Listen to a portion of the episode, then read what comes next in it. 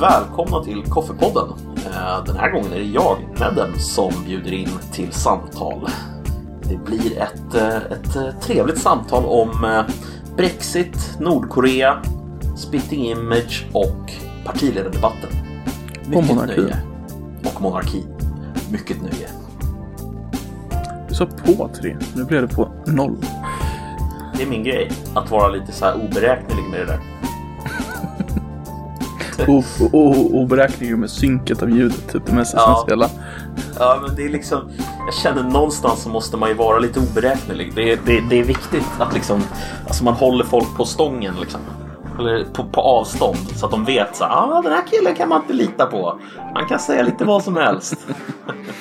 Vill du se ut, eh, vill du bli känd som en kille man inte kan lita på? nej, nej, nej. nej. Är det Jag din, eh, jag bara, din, jag, ditt mål? Nej, verkligen inte. Den oberäknelige. Nedden. Den, oberäknelig, den där oberäkneliga jäveln. Mm. nej, verkligen inte. Hur vill En, du bli eh, känd? Hur vill du en bli känd, Koffe? En attending från dig på ett Facebook-event betyder att du kanske kommer. Ja, fast nu skulle jag i och för sig aldrig, aldrig sätta tändning. Man sätter ju tentative, eller hur? Det, det, är, ju, det, är, ju, det är ju självklart. Så, att- så att man kan bestämma sig i sista sekund. Ah, vill jag komma? Ah, vill jag inte komma? Ah, ah, ah. Okej. Nej, jag tror faktiskt, om jag ska vara helt ärlig så tror jag faktiskt inte att jag har svarat på ett enda sånt där Facebook-event i hela mitt liv typ. Alltså, Jag har blivit inbjuden på sådana där grejer men har oftast svarat. du, du var tvungen att påpeka att du har blivit inbjuden. efter. Jo, men precis. Ja, men jag tror att jag faktiskt har blivit det. Alltså folk använder inte sånt där längre som jag. eh, I mina, bland mina polare i alla fall. Mm. Men eh, när, när folk fortfarande använder det där för att bjuda in folk så tror jag nästan att jag alltid tackade ja via typ sms eller något sånt där istället. Jaha. Därför att, ja, jag vet inte, jag Men du gillade inte, bara från- du använde sidan men du blev ändå... Ja, ja, jag såg ju att jag blev inbjuden men så, så skickade jag ändå ett sms bara, ja men det blir bra, jag kommer typ. Okej. Konstigt kanske, jag vet inte. Ja. Men vad, vad, vad vill du bli känd för, Koffe? Låt höra. Ja, inte som den mannen som... eh, Du vill bli känd som mannen som återinförde monarkin, alltså den absoluta monarkin. Ja, det har väl inte varit något fel med det. Och på tal om det, visste du att i Georgien så gjorde de en undersökning. 52% vill återinföra monarkin. Oj! Mm, det är nice. 51 procent. Ja, det är ju en 52. majoritet. 50, 52. Ja, okej. Det är också en majoritet. Mm. Ingen En- stor majoritet. En marginellt större. Ja, en marginellt större. Det är viktigt med de där. Den där procenten var viktig där. Mm. Ja, 52. Mm. Mm. Det är ungefär samma siffror fast tvärtom som ville... En av mina största pet peeves är ju den där CIA-ledda eh, nationalomröstningen i, i Italien efter andra världskriget när de röstade om Mm. de skulle återinföra monarkin. Mm. Ja, då fick, var det ungefär 52% nej och 48% ja. Men det, ja. Men, men eh, vänta lite nu. Menar du att eh, alltså CIA var för eller emot här? CIA var emot. Är du säker på det? CIA var emot återinförandet av monarkin och ville ha en republik i, av amerikanska mått. För det är lättare att hantera. Jaha, okej. Ja, det är, ja, det är möjligt. För jag tänker bara så här att de var ju lite smått allierade där ett tag med, eh, med fascisthögern. Och... Ja men alltså på riktigt de- så var de ju mm. det. Och då är frågan... Alltså, Nej, men de, de var av- rädda för av- ett starkt enat eh, Italien. Ja, det, alltså, det här är alltså- liksom smått välkänt. Alltså jag Det tror finns- det, alltså, det det makes sense som fan. Alltså det är inte det. Jag, det är mer att jag bara funderade på liksom hur, hur tankarna måste ha gått där. Så det, det, var typ så här, för då, har du hört talas om The Black Prince?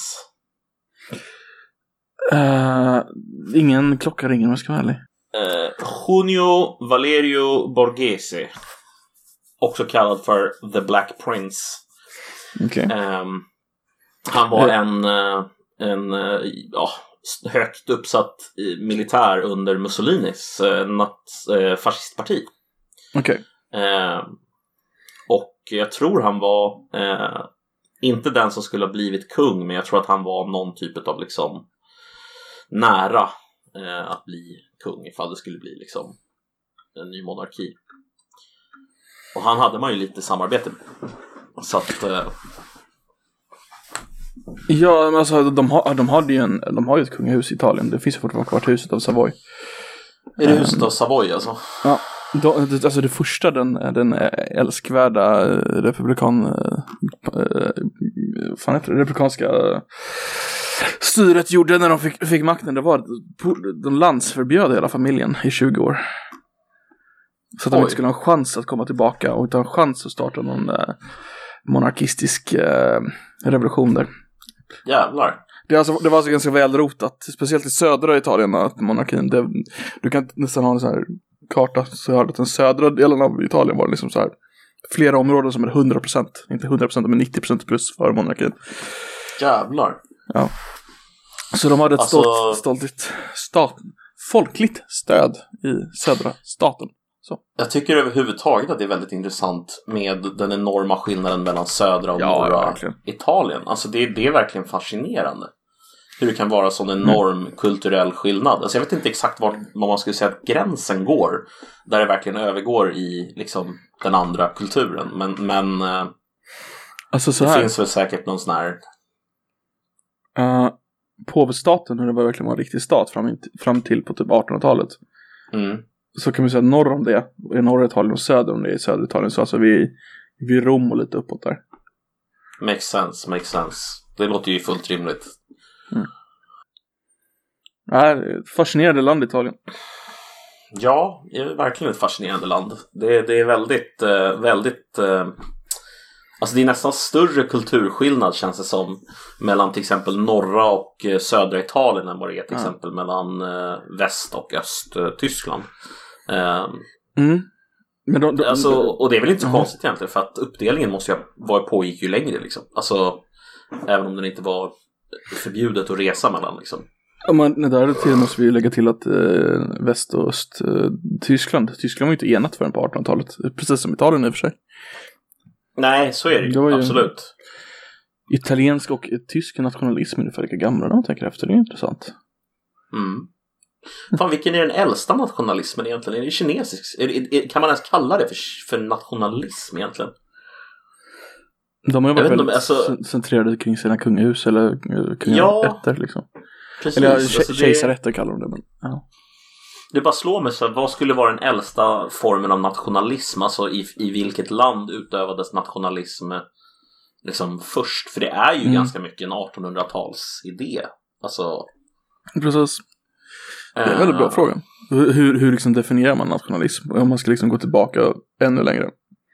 Ja, alltså, eh, det, alltså det finns ju inga idealtyper i verkligheten riktigt. Så man måste ju alltid titta på alltså länder eller regimer eller vad man ska säga Mm. som har en del av dragen. De behöver inte nödvändigtvis ha alla drag, men, men ändå. Alltså, jag, jag har måste- svårt måste- i alla fall att mm. komma på liksom Måste det vara ett etniskt drag eller kan det vara ett religiöst drag? Så jag vet inte, jag skulle nog säga att nationalism eh, Alltså måste inte nödvändigtvis ha det ena eller det andra Men det har oftast eh, Någonting att göra med en föreställning åtminstone om en, en monokultur Mm. Skulle jag säga Sen om den kulturen nödvändigtvis är baserad i liksom typ traditioner som inte har med religion att göra eller om den har med religiösa traditioner att göra Jag tror inte det spelar så där jävla stor roll alltså På eh, romarriket på dess högtid. Eh, då såg de ju ner på folk som inte var romare. Ja. Man kunde bli romare ganska lätt. Alltså, du, alltså, du behövde inte bo i Rom, men du behövde ha den romerska kulturen och agera som en romare. Sen så spelar det inte så stor roll hur, vilken hudfärg du hade. ink- inklusiv, Mm. ro- inklusiv nationalism typ. Precis, alltså du, du, du var ju tvungen att aktivt försöka bli romare, men de accepterade att, att du blev romare. Så Mm. det var många eh, tyska stammar som aktivt blev romare och sådär. Och stamfurstar. Mm. Så det är ju någon form av nationalism i alla fall. För när, du inte var romare då fick de ta dem som slavar och sådär. Jo men precis, det känns, det känns som att liksom många av de här idéerna går att hitta tidigare men, men de, i den mer rena formen så som vi Mm. känner den idag så är det nog ja, någonstans 1800-talet. Ja, alltså speciellt om vi def- definierar det som vi känner den idag så måste det ju vara som vi Jo, känner den idag. jo. Då blir det ju då 1800-talet. Så är det ju, absolut, Mm. absolut.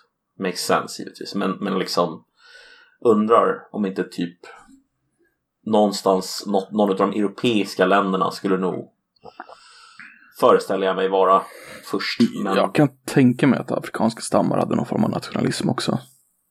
Men de bodde, fast de levde ju inte i, i nationer. Jag trodde du skulle säga Europa. Nå, jo men jag tänker alltså Nej, men levde ju i stamkulturen stam, är ju... eh, stamsamhällen, alltså våran stam mot den andra stammen. Alltså där var det ju en, det är ändå någon form av, Alltså, det går inte att kalla nationalism riktigt. nej de hade ju sin egen kultur, varje, om varje stam har sin egen kultur och sin eget sätt att leva så var de, ja. Det beror på hur mycket man sträcker jag- begreppet.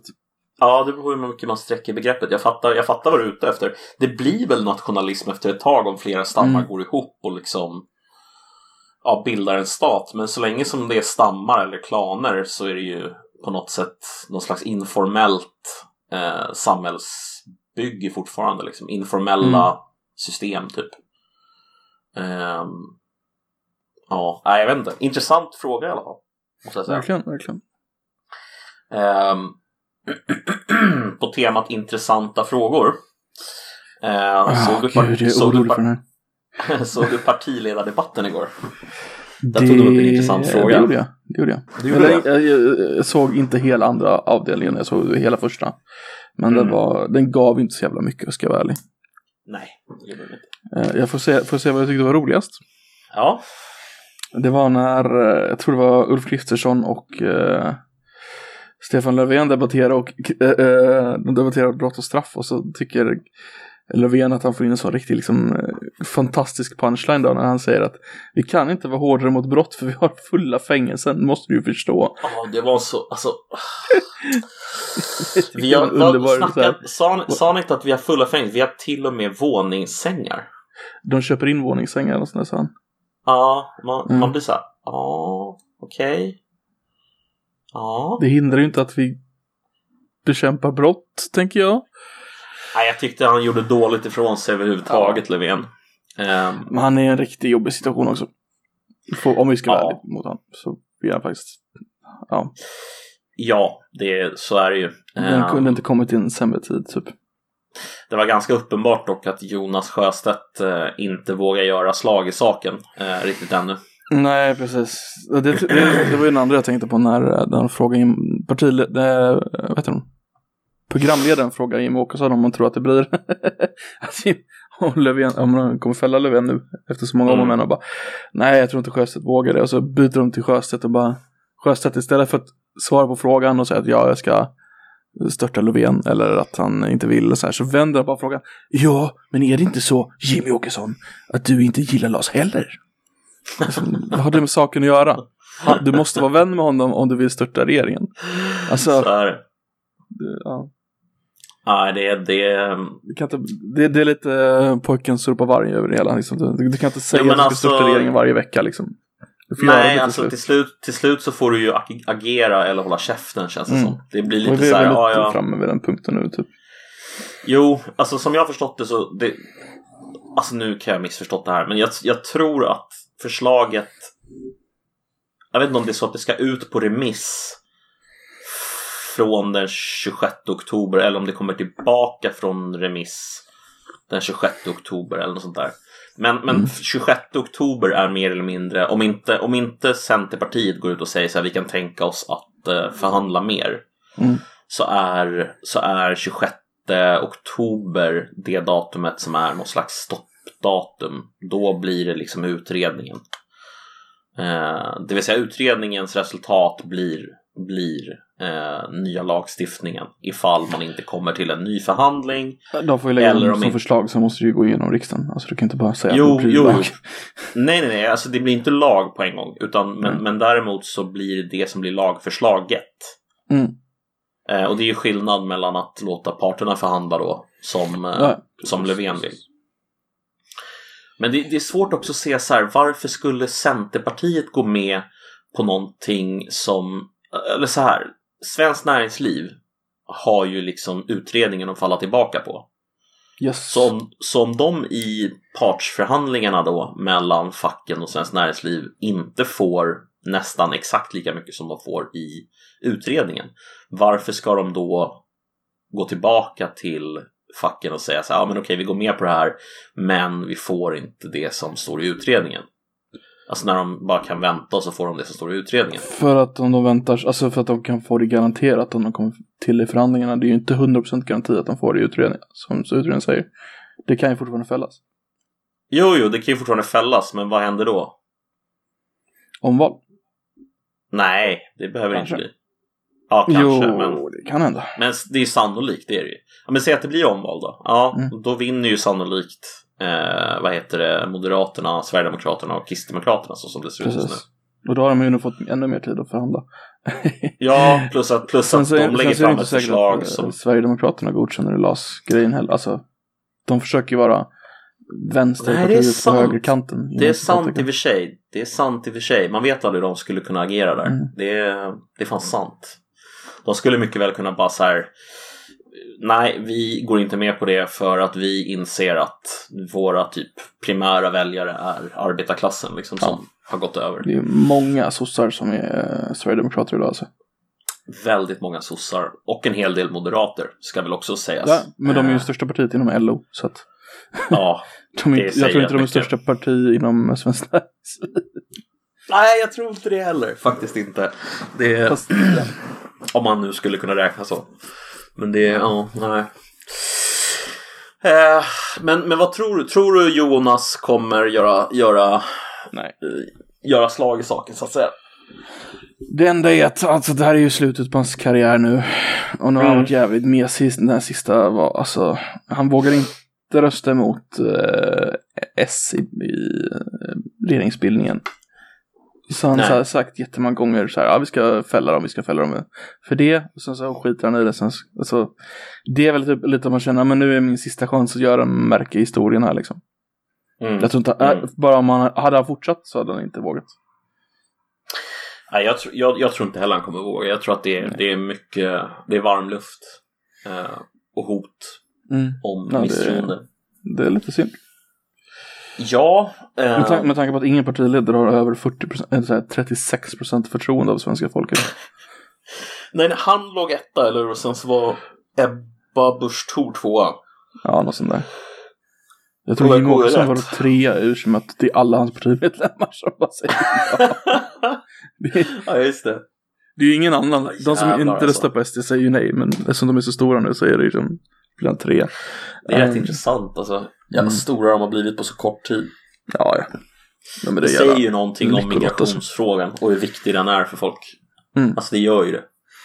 Och, och just Um. miss, alltså de får ju missförtroende rösten också. Alltså de som Ja, är missnöjda med rent allmänt liksom. De, de, de behöver ju inte vara kompetenta för fem öre. De behöver bara Nej. glida på det där. Ja, det är en riktig räkmacka alltså. Ja, ja. De har ju fått den gratis. Verkligen. De glider ju på den. Allt de behöver göra är att verka vara det partiet som är mest emot invandring så kan de bara fortsätta liksom. Det är därför de Ja, pushar gränsen lite hela tiden. så är det. De har ju pushat, de har ju ändrat sig nu. Nu är det återvand- återvandring som gäller. Ja, vadå? Är det, är det deras nya, nya Ja, grej? det Eller? har varit ett halvår, ett år någonting. Återvandring. Men alltså återvandring? Hur... åter- Eh, alltså bara då... Är det, är det då bara för folk som är... Eh, som inte har medborgarskap gissningsvis ändå, eller? Folk som inte känner sig hemma. Alltså ingen påtvingad vad jag förstår. Nej, okej. okej. Utan Bara någon slags uppmaning att så här, om du inte känner dig hemma här så... Precis, det är så få som integrerar och bla bla bla. Så att de ska få pengar Ah, om de okej. återvänder och sånt där. Ja, okej, okej. Så här, lovar du att Ja. inte komma tillbaka till Sverige så får du x antal tusen. De gillar ju att ge pengar till folk nu, har du mär- om du har märkt det. Kanske kommer ihåg deras Mm, eh, vårbudget här. Vad var det? 100 miljarder eller 90 miljarder eller någonting man ville spendera på Åt- massor med förslag. Eh, de hade den näst dyraste budgeten. Eh, Ja, nej, de var dyrare väl? Var de inte dyrare än Vänsterpartiet till och med? Det kanske de var. Jag tror fan de var det. Alltså, alltså... Ja, jo men det var det säkert. Ehm, men det var inte mycket. Men det var så här. Ja, nej, det var säkert marginellt. De ville ge ut 10 000 till alla, alla svenska medborgare och alla barn under fem fick 5 000. Ja, jag, ja, jag fattar inte riktigt det där. Det är alltså så här, helikopterpengar i all sin ära, men alltså det är fel tillfälle. Det är väl Alltså, rätt tillfälle om något. Nej, nej, alltså helikopterpengar är ju så här. Då ska det ju vara värre Det är- än det nu alltså. Alltså, termen helikopterpengar är ju fan skitkonstigt tycker jag. Ja, det är den faktiskt. Men alltså var- varför, varför är det inte rätt tillfälle? Vi har ju en uh, rådande. Därför det är att finanskrisen som vi, som vi har just nu är inte så djup som, eh, alltså den är djup, missförstå mig rätt nu alltså. Mm. Det, är inte en bra, det är inte en bra ekonomisk situation vi befinner oss i. Men eh, alltså, det där djupare. är ju någon slags liksom, sista utväg. Det där kan man ju spara tills... Ja. Så, så, så, tänk, så här, säg att du använder det nu. Mm. Och, så, och så kraschar bostadsmarknaden i framtiden. Någon gång kommer en krasch. Det behöver den inte göra. Man kan ju pysa ut den också så som de Mm. försöker göra. Eh, Om vi tar deras andra förslag om att kasta ut massa människor. ja, precis. Då, då kommer det ju krascha för då finns det ingen som Då ska bo kommer där. den ju definitivt krascha. Alltså det är, ja jag vet inte. Det är... En rolig kombination där. Ja. Nej men alltså jag gillar idén om jag ska vara ärlig. Jag skulle gärna ta 10 000. Jo, jo, alltså det är väl nice med 10 000. Alltså det, det, det håller jag med om, men, men jag gillar inte idén alltså. Ehm, men Jag, hade skulle sagt jag föredrar till 10 000. idén att ge 10 000 till varje medborgare än att göra någon slags skattelättnader så bara typ de rikaste, rikaste rikisarna får massa extra pengar liksom. Jo, men För alltså. då ger du pengar till folket så kommer folket spendera det liksom. Det ger är du inte till- sant. Vad sa du? Det är inte riktigt sant heller i och för sig. Det är De mesta, Alltså, alltså, det det är är rätt väldigt många som bara skulle lägga det på liksom att eh, betala av lån eller betala av eh, lånen på bostaden till exempel. Ja men då, alltså jag, tänker det riktiga folket. Verklighetens folk. det populistiska folket. In, inte menar- stockholmarna utan det är folket Ja, som det. faktiskt bygger det här landet. De som går upp klockan tre på morgonen. Går till gruvan, jobbar i... De som jobbar på varvet. De som jobbar på Volvo. De som jobbar på SKF. De som gör den här staden till vad det är. Just det, Eh, de ja. de skulle köpa sig något fint för 10 000. Och det tycker jag de är värda. Men det tycker inte du. Stockholms jävel. Stockholmsjävel! Nej men, eh, jo, jag fattar grejen men jag, jag, jag tror att det finns bättre saker man kan göra för att stimulera ekonomin faktiskt. Eh, just nu i alla fall. Vad, vad känner du för att göra då? vad känner du för Alltså, att göra? vad känner du för att göra? Nej, alltså, jag, alltså fick jag bestämma så ja, vi kanske skulle kunna dra igång ett eh, infrastrukturprojekt till exempel. Eh, bygga lite... Om vi bygger eh, ett infrastrukturprojekt får jag lägga till ett, en liten klausul. Ja, Om vi köper in en, en bro eller något, köp den inte från Kina. nej. Kanske, kanske, kanske om vi ska tillgå ekonomin så kanske vi ska bygga skiten i Sverige.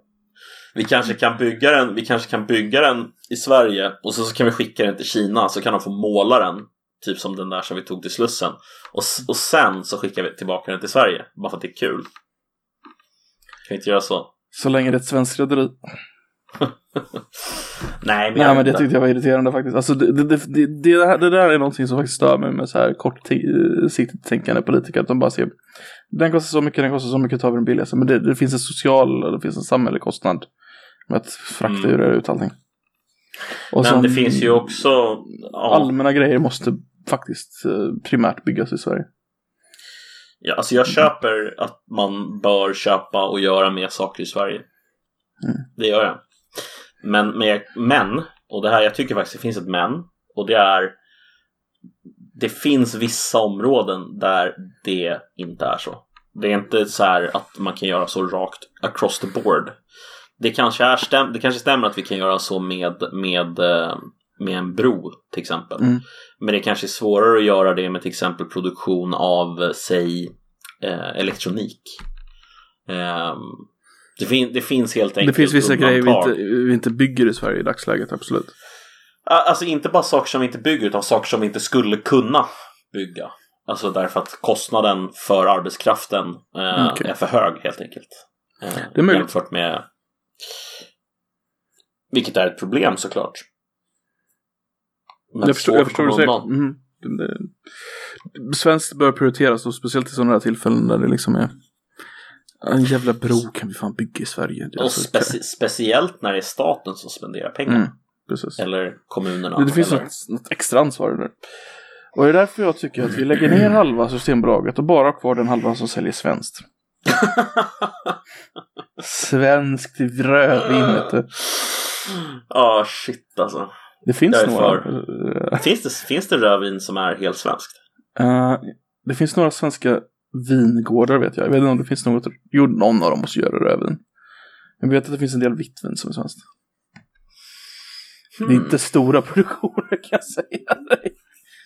Och alla förutom en ligger i Skåne. Det finns en på eh, ön också. På Gotland? Gotland? Gotland. Det där Eller också. på Ö Öland? Jag kan, inte, jag kan inte prata.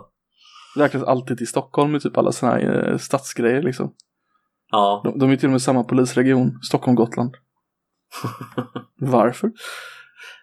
Det är som om du tar liksom Alltså- båten ner om det blir ett rån liksom. Oj, nu är det ett rån. Åker du och kollar det eller? Ja visst, jag tar båten.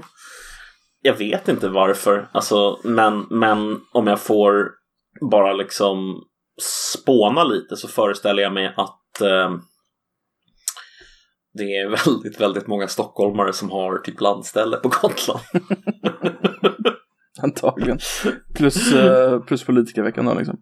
Alltså, det är- ja, plus politikerveckan som Ja, är en massa ju- stockholmare liksom. Precis, det är, ja fy fan. Men alltså den där jävla Almedalsveckan alltså, fy fan vad den är beige. Herregud. Beige. Är så... Har aldrig hört uttrycket beige? Jag inser vad det innebär, men jag vet inte om jag har hört det. Nej, det, jag vet inte, det kanske är en Stockholms grej. Jag har ingen aning. Att man säger att någonting är beige. Mm. Jävligt beige. Men de pratar ju om att förkorta den till eh, eh, fyra dagar. Ja, alltså jag vet inte. Jag, jag kan väl känna någonstans att de behöver inte ha den överhuvudtaget. Har du varit på Ehm, den? Nej. Det har jag inte. Men du behöver, inte, du behöver ju inte intressera dig för den egentligen. En, en gång till. Du behöver ju inte intressera dig för den. Nej, men det kostar ju massa pengar. Alltså för kommunerna Mm. och regionerna som ska åka dit bara för att de ska nätverka. Och jag, jag vet inte om jag tycker att det är så jävla vettiga spenderade, vettigt spenderade pengar. Alltså är det, är det vettigt att de ska åka dit och nätverka med varandra? Behövs det verkligen? På något sätt tror jag kanske ganska effektiv nätverkande i och med att alla, är på, alla de är på samma plats en vecka. Mm. Så Mm. åker alla dit så slipper de ha kontinuerligt nätverk. Då kan ha liksom, där så klarar de sig liksom. Det kanske är en pengasparare egentligen. Alltså kanske, det, det kanske är så. Eh, alltså instinktivt så tänker jag bara så här, ja men Mm. är inte det här saker man kan sköta via mail istället? Alltså Eller Men liksom det, det ringa nätverken folk, funkar eller? inte riktigt på det sättet. Utan du måste ju ha den här personliga kontakten. Nätverk fungerade inte på det sättet, men nu har vi ju covid. nu för tiden nätverkar man via Zoom. Jag trodde du visste det. Fy fan. Jag var på, ah, vi kan ta upp den en annan gång. Zoom-verkande. Zoom alltså. Nej, Zoom, jag håller med dig. Det, det, det, någonting går förlorat i, Ja. eh, i den där eh, mötesgrejen, alltså. Online. Ja. Men var det någonting från partiledardebatten du tänkte på förresten? Nej, alltså jag slogs mest av att jag tyckte att Bolund och det. var så jävla dåliga alltså. Bolund. Det var han Ehm, um, miljöpartisten va? Ja, precis. Per Han är Bolund. lite- Sen så tyckte jag i och för sig att eh, Jag tyckte i och för sig att Löfven eh, gjorde sig jävligt dåligt också. Men han har aldrig varit bra i debatter alltså. Det är inte hans grej. Det är bara käbbel. Bara det är bara käbbel. Det är bara käbbel. Det är det roligaste han har gjort. Alltså när uh, Löf försöker visa någonting på ett papper för honom. Han bara nej, bort! Ta bort det med handen. Just, var inte det en kolbit? Nej, nej, det var Nej, nej. Miljöpartiet som hade en jävla kol. Ja. Det var han, eh, vad heter han? Uh, Lill-Bert Fridolin. Fridolin. Den bara drar upp Fridolin en kolbit mitt under en jävla kolbit. debatt så här. Åh, det här är en stor kolbit. Visst är det hemskt bara, med okej. kol? Kol är inte bra. Alltså att, tänk när han satt där hemma och peppar inför liksom eh, debatten och så bara sätter du upp min kolbit och folk bara wow vad mycket kol och då kommer de förstå. Så kommer de rösta Miljöpartiet och han bara och då är min kol, här är kol- kolbiten. Så mycket kol på en timme. Alltså. Och ingen bryr sig. Och så står han där och För- håller en jävla kolbit liksom helt för sig själv. Får jag fråga dig en sak? Ja. Har du hört om eh, hur eh, eh, debatten verkar se ut inom Miljöpartiet vad gäller nästa språkrör, kvinnliga språkrör. Ah, jag vet att det är typ tio stycken olika. De har ju två vägar skulle man kunna säga. Ah, ja. gå. Eh, en radikal, en uh, tolerant. Precis, precis. Och då är, ju, då är ju den toleranta, det är ju då, menar vi i det här fallet då mot sossarna, alltså att vara ganska liksom följsamma då. Um, Medan den radikala är ju då att de skulle bli ja, ännu hårdare på sina hjärtefrågor, alltså migration och klimatet typ. Mm. Eh, det jag undrar är bara så här, vilken väg tror du att man kommer välja? Ehm, jag tror de kommer välja hon Rebecca Lemoyne. Så de kommer vara lite radikalare i miljöfrågorna. Mm. Så det kommer gå all in liksom? Jag tror inte de kommer kunna se att de har ett existensberättigande annars. Nej. För jag tror att de känner sig lite överkörda i... De har ju två frågor. De har ju massinvandring och miljö. och de känner sig, alltså jag, vet, jag ska inte säga, anser inte att de är det. Men jag, vet, ja, jag förstår att de känner sig överkörda i migrationsfrågan och då måste de köra all in på miljöfrågan för att ha någon form av eh, claim to existence liksom. Mm. Eh, så jag tror de kör på Rebecca Lemoyne. Hon är ju riksdagsledamot redan och ganska stor i de där kretsarna vad jag förstår. Alltså jag tror det är helt rätt. Tyvärr. Eller tyvärr, alltså jag vet inte, det kanske är bra. Um, Mm. jag, jag, jag skulle ju, ingen skulle bli gladare än mig, möjligen du, eh, om Miljöpartiet åkte ur riksdagen. Alltså det skulle ju vara fantastiskt. Fan vad jag skulle gotta mig i det alltså. Herregud. Skulle må Då så har du ju en dubbelvinst där i med, om, om de åker ut så får du ju en ännu kortare eh, Stockholmsvätska i, på Gröna. Eller Precis, eller Gotland. exakt, exakt. förlorar en hel dag där. Ja, det är perfekt. Fan vad nice alltså. Då kan jävla Liberalerna kan få åka ut också. När de ändå håller på. Ja, tror du de kommer göra det då? Nej, jag tror inte, jag tror inte någon av dem åker ut. Om jag ska vara helt ärlig. Oh shit. Vadå? Vet du vem Carl Schülter är? Ja. Alltså, vad heter det, miljöpartisten? Ja, vet du hur gammal han är? Nej, 60 52. någonting kanske? Ja, 52, okej. Ja. Ja. Han är ihop med hon Rebecca Lemoyne och hon är bara 30. Det står på hennes What? Wikipedia här. What? What? Det var, det var lite dagens överraskning för mig. Alltså. Alltså, Rebecca Lemoyne alltså. Ja. Mm. Wow. Hon ser bra ut. Det, jag gör hon absolut. Eh, hon är ju... Hon ser inte ut som hon borde ha en 52-årig gubbe som börjar bli flint som partner om vi säger så. Fast å andra sidan, Schlüter är. Han är ju skön alltså. Det får man ju igenom. Han är ju, han är ju lite rolig. eh, han, han har säkert rolig humor. Jag tror det är Det därför. kanske, jag hoppas det. Men jag blir väldigt förvånad. Det Yrke, var en udda liksom. biolog. Hon är såklart, såklart hon är biolog. Vad skulle hon annars vara? Ja, ja. ja, men hon har ju pluggat, alltså hon är ju jätte, alltså det var det jag menade med att hon är väldigt inne i de här kretsarna. Hon var ju årets miljöhjälte 2017 och allting liksom. Mm. Ehm, och, så att hon är ju liksom krediterad så att säga. Så förstår du, alltså förstår du hur de här människorna lever sina liv? Alltså, hur fan, alltså och gå runt och vara så här, så här nojig och ha så här ångest över klimatet hela tiden. Frågan är om man borde ha det. Nej. Mitt svar är bara nej. Man cures climate change. Ja men allvarligt, allvarligt. Alltså så här. Alltså ska du, ska du gå runt och oroa dig för någonting som du i slutändan ändå inte kommer kunna göra några stor, större förändringar i? Alltså det är så här. Ska du gå runt och må dåligt över det? kan man väl göra. Jo men fan tjänar det för jävla syfte? Men hur, hur, tror, hur tror du folk kände sig på typ 50, 60, 70, 80-talet om eh, eh, kalla kriget och kärnvapenkrig liksom? Det var ju... Gick Alltså, folk runt och mådde dåligt. Samma människor som går runt och ojar sig nu över miljöhotet som ojade sig över det. Alltså, Ja. Ja. Alltså jag tror att, jag, jag tror det. jag tror att du hade ganska många konservativa gubbar på 80-talet som bara "Nej, ryssen måste dö. Jo, jo.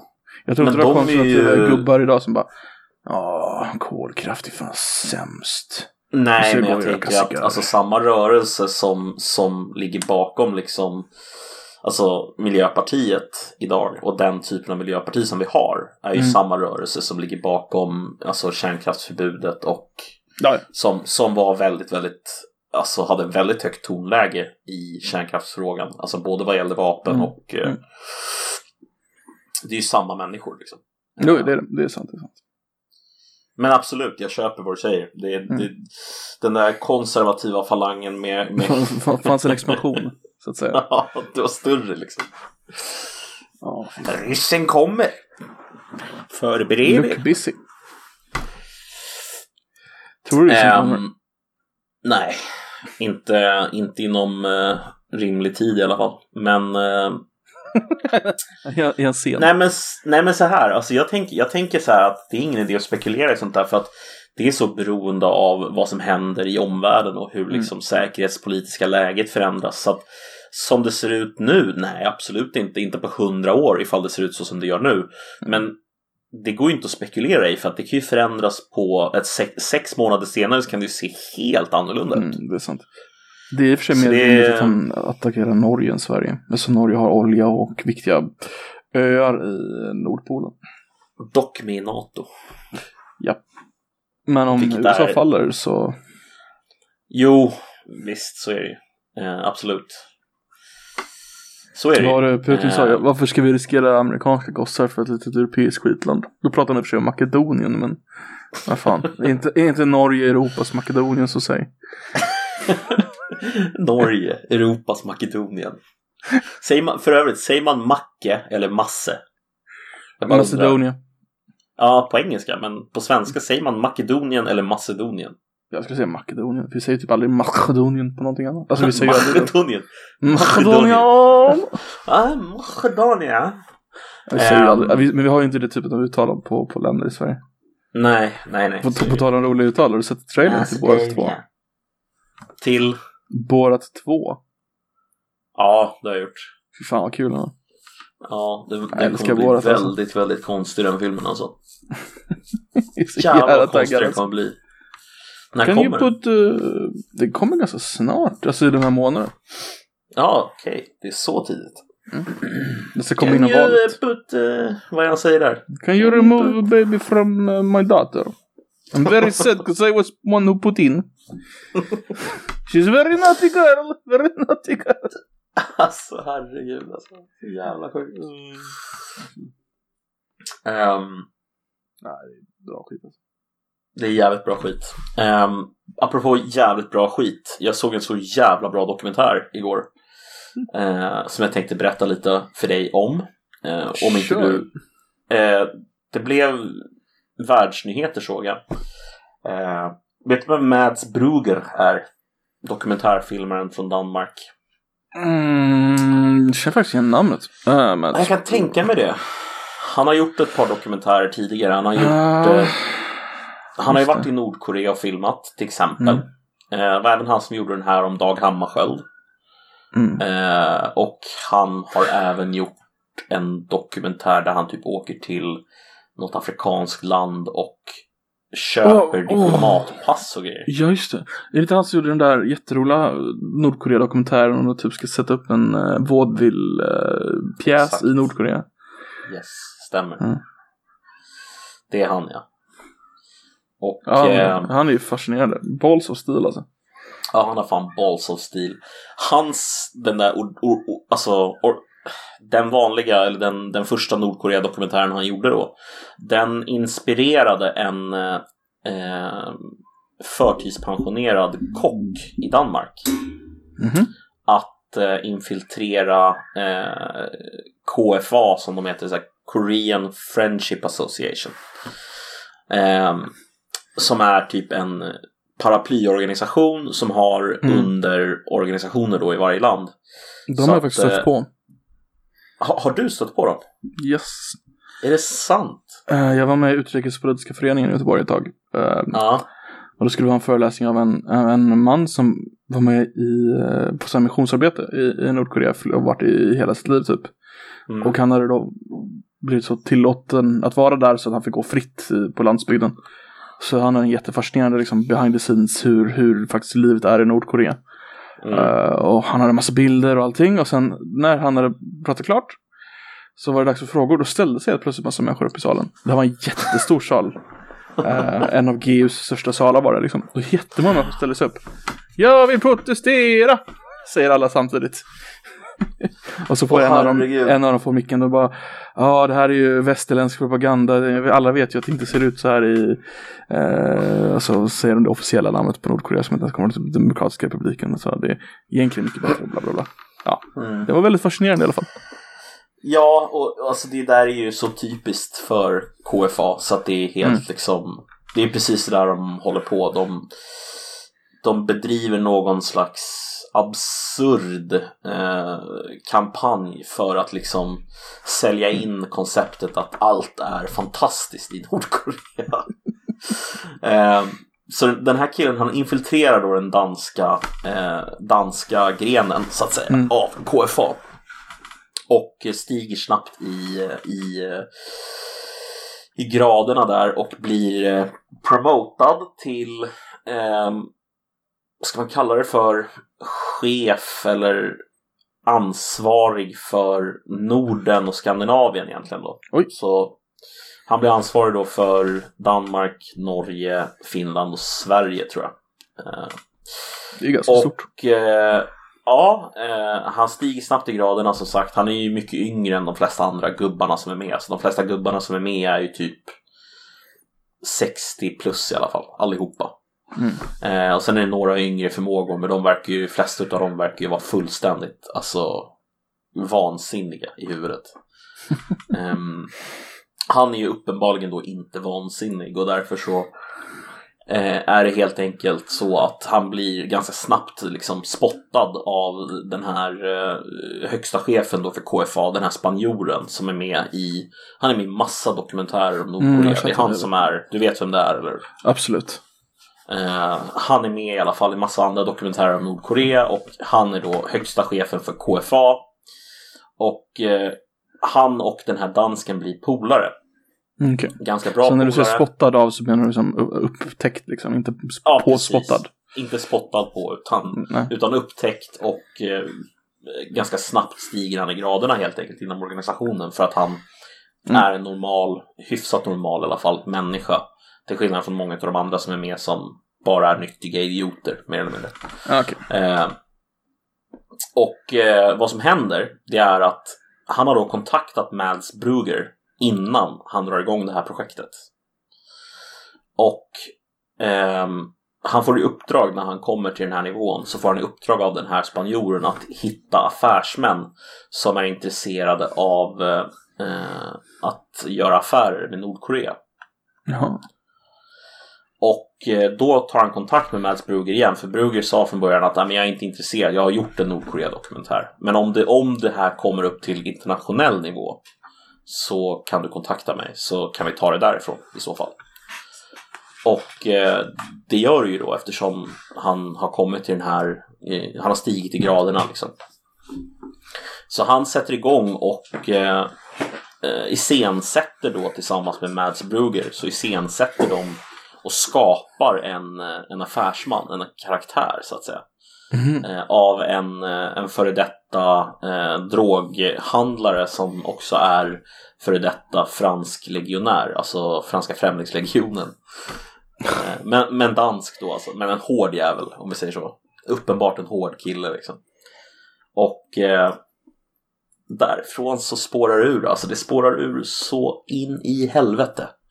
Alltså vi, de liksom får åka till Nordkorea och eh, de träffar nordkoreaner som är chef då för olika typer av vapenfabriker och eh, går, kommer överens om att liksom köpa, köpa vapen och eh, methamfetamin Alltså det vill säga vanligt, eller amfetamin helt mm. enkelt mm. som de ska tillverka. Eh, de eh, börjar göra upp planer för var det här ska tillverkas någonstans i världen kommer fram till att ja, Uganda är det bästa stället. Under marken i Uganda på en ö som de ska köpa för 5 miljoner dollar.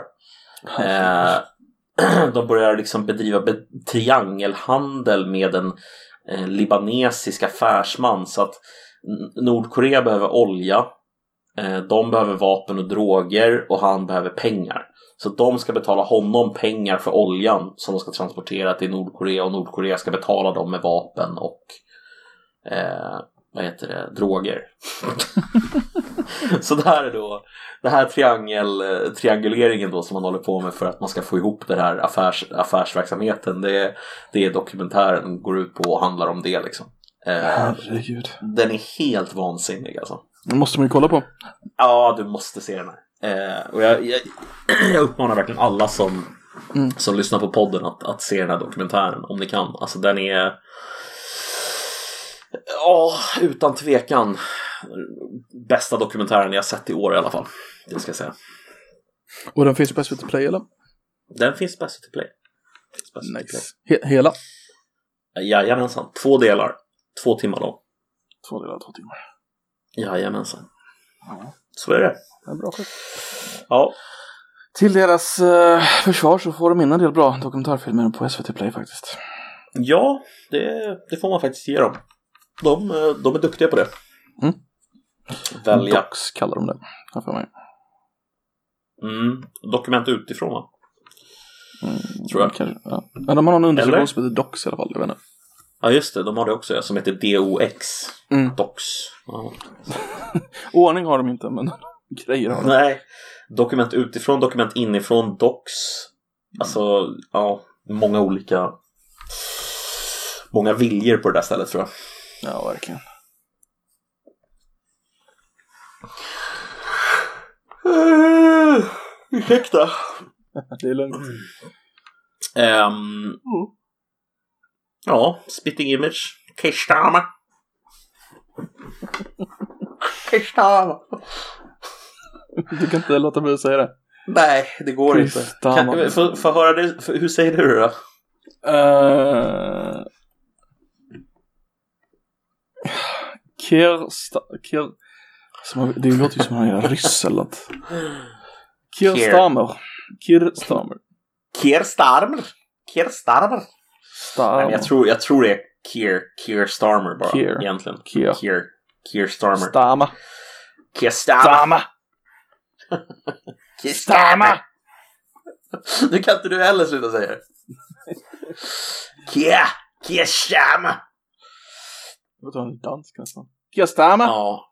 Kirstama. Chokladbrödbakare. Gubbinäben. Ja. Kämpegoda chokladbröd. Han har också lite det här du vet eh, rödsprängda, eh, alkade mm. danska utseendet. det är alltså den nya Labour-ledaren vi pratar om. Jajamensan. Som um, um, ny Labour-ledare. Efter Jeremy Corbyn gav upp. Ja, den där, den där supervänstergiren som Labour gjorde under Corbyn, den, den betalade sig inte så att säga i, i valresultatet. Alltså, eh, det roliga var att han var ju nära där. Alltså, han gjorde jävligt bra val mot uh, tanten. Ja, just det. Uh, även om han förlorade det valet också. Han förlorade, men han gjorde jävligt bra ifrån Alltså, den gick ju upp mer. Han gjorde ju mycket bättre ifrån sig än vad alla trodde. Mm. Där. Men han gjorde också han... jävligt mycket sämre ifrån sig. Mot Boris. Boris. Boris. Boris är mer slipad än man tror alltså. Det är lite läskigt. Ja. Han, är, han är fascinerande. Han är, eh, han är jävligt slipad alltså. Det är, det är så lätt att tro att han är en jävla mm. pucko som typ Donald Trump. Mm. Så att folk får porträttera, porträttera honom på det sättet. Men killen har ju liksom gått på alla de finaste skolorna och han, mm. han, är väl, han är väl känd för att typ älska klassiker, är han inte det? Jo, han, han har ju debatterat grekisk eh, mot eh, eh, latinsk litteratur och sådär på stages. Alltså han har haft upp, alltså han är jätteduktig på sånt. Ja, det är... Ja. Grekisk är det han står för, har för mig. När han pluggade på Eton och Oxford och allting liksom. Eton? Ja. Han, en grej som han gjorde som är skitsmart, vilket är skitirriterande. Han, han hade ju ett stort drama med bussarna i, i London när han var borgmästare. Mm. Varpå han i någon intervju bara, bara drog upp att han gillar att måla bussar på mjölkkartonger. Och så Va? blir det som stor, ja, alltså han bara tar upp det av någon jävla anledning. Uh, de han hade typ läckt det, typ att han gillar att göra något konstigt med mjölkkartonger och de bara, ja, han gillar att måla bussar på dem och så kan man se, kan man rotera dem så här. Totalt jävla irrelevant. Men så, det gjorde så att googlar man på honom plus bussar så får man upp han och hans egenmålade buss istället för det här busskiten liksom man gjorde. Så han bara hittade på ett sätt för att typ byta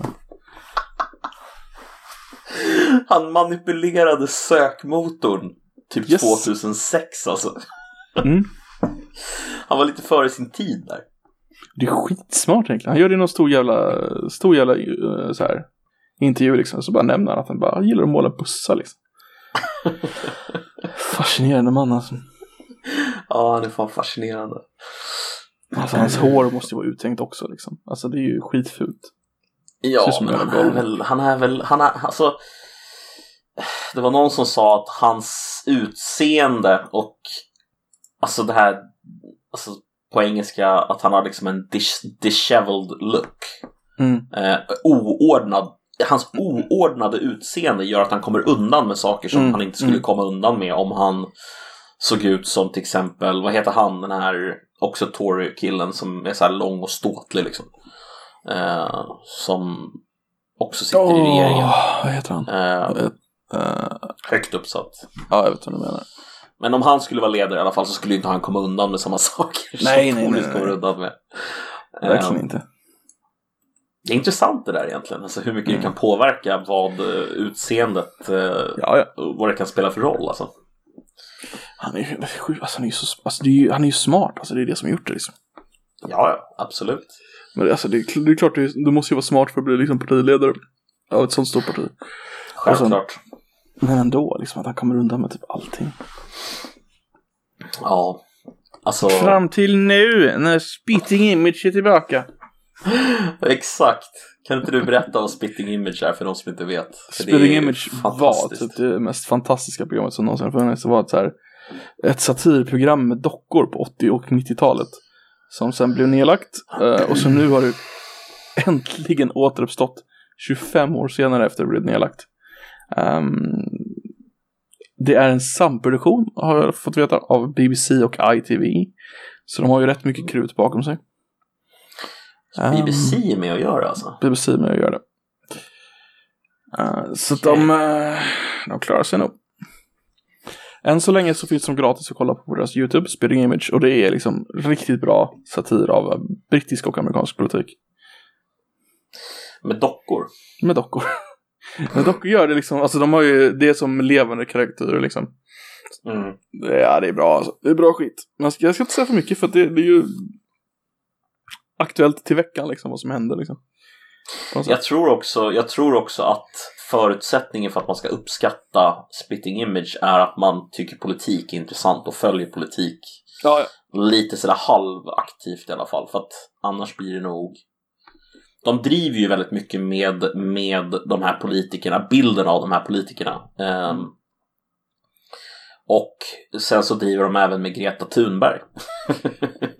De, driver även med, med alltså i andra avsnitt så är det en del kändisar och en del eh, politiker också. Alltså Ja. mer, så att det, det gör de, absolut. Greta Thunberg fick de massiv kritik för. ja, givetvis. Eh, men de stod på sig. Och jag tycker det var bra, för de var jävligt rolig. Ja, det är klart de ska göra det. Måste få skoja om klimat-Jesus. Det, är- det, är alltså, det är helt rimligt. Hon är ju superkändis. Ja, Det- och eh, tre månader till 18. Ja, du ser. Grejer. Alltså. Mm. Ja, Fy fan vad sånt där är creepy egentligen. det är creepy. Ja. Mm. Väldigt, väldigt stört. Ehm, hur, hur som helst så är det en fantastiskt rolig eh, tv-serie. Den är, den är sjukt rolig. De har väl Det- en historia av att driva väldigt hårt med eh, konservativa politiker kan jag tänka mig. Alltså just uh, Thatcher-eran var de väl som ja, mest. absolut, absolut. Det är De, de, liksom, eh, det gjorde de inte i första avsnittet, men i andra avsnittet så började de, de har också ofta ett väldigt roligt musikalnummer i varje avsnitt. Eh, en av de mest kända låtarna från originalserien är I have never met a nice South African. Va? Yes, I never met a nice South African and that's not bloody surprising. Because they're a bunch of ju- arrogant bastards. Men det här måste ju då vara innan, eh, innan Ja, det var alltså apartheid. innan. Ja, precis. Ja. Sent 80-tal. Precis. Åh jävlar Kan vilken annorlunda värld alltså. eh, Bara så här från 80, slutet av 80 till 2020. 30 cirkus år senare. Ja, herregud. Det är natt och dag alltså. Finns väldigt... Ja, länderna finns kvar men inte alla. In, in, inte alla, precis. inte vårt vackra Jugoslavien. Nej, exakt. Fast Jugoslavien var ganska roligt. Det tog jävligt lång tid för vissa där. Serbien och... Vilka var det Serbien var ihop med? Eh, Makedonien var det va? Jag tror det va? Mm. De höll ihop Ja, jättelänge och kallade sig uh, något form av Jugoslavien typ i tio år eller sånt där. Ja, det är en väldigt, väldigt, väldigt konstig konstruktion det där Jugoslavien egentligen. Alltså, Alltså? Ja men jag tänker alltså så många olika religiösa eh, grupper, stora grupper liksom, som, som samsades under, det gick ju bra så länge som du hade en diktatur såklart, men direkt när det liksom blev uppdelning så bara gick det åt Då helvete. blev det nationalism och då blev det delat. Jajamensan. Kroatien har väl inte direkt någonsin varit kända för att vara sådär jätteaccepterande inför, eh, vad ska man säga, andra religiösa eh, uttryck än de egna, so to speak. Nej, inte, inte Serbien heller för den delen. Inte Serbien heller för den delen. Eh, Serbien är väl ortodox, Kroatien är väl katolik tror jag. tror det va? Är det inte så? Så Albanien är muslimer. nästan hundra på att Kroatien är katoliker för det pa, eller, pa, deras ledare under alltså Ustasja hette ju De pa, Pavlovnik eller sånt där. Mm. Han hette inte det utan det var hans titel alltså. Ja, okej. Och han, alla de typ togs om hand av katolska kyrkan efter, eh, efter andra världskriget och all, hjälptes åt. De, eller så här, katolska kyrkan hjälpte till att smuggla ut dem ur Italien och till Argentina. Så att, ja. Antagligen katol, kat, katoliker. Gissar jag. Antagligen. Ehm, ja, Ja, jag tycker det att var väl det är eh, ganska det vi hade rimligt. att snacka om den här veckan va? Ja. Ja, detta var ännu en spännande vecka med Koffepodden. Vi säger tack till Nedem. Tackar, tackar. Varsågod. Och så säger vi tack till alla söta små lyssnare. Puss och kram, hej då. Hej då!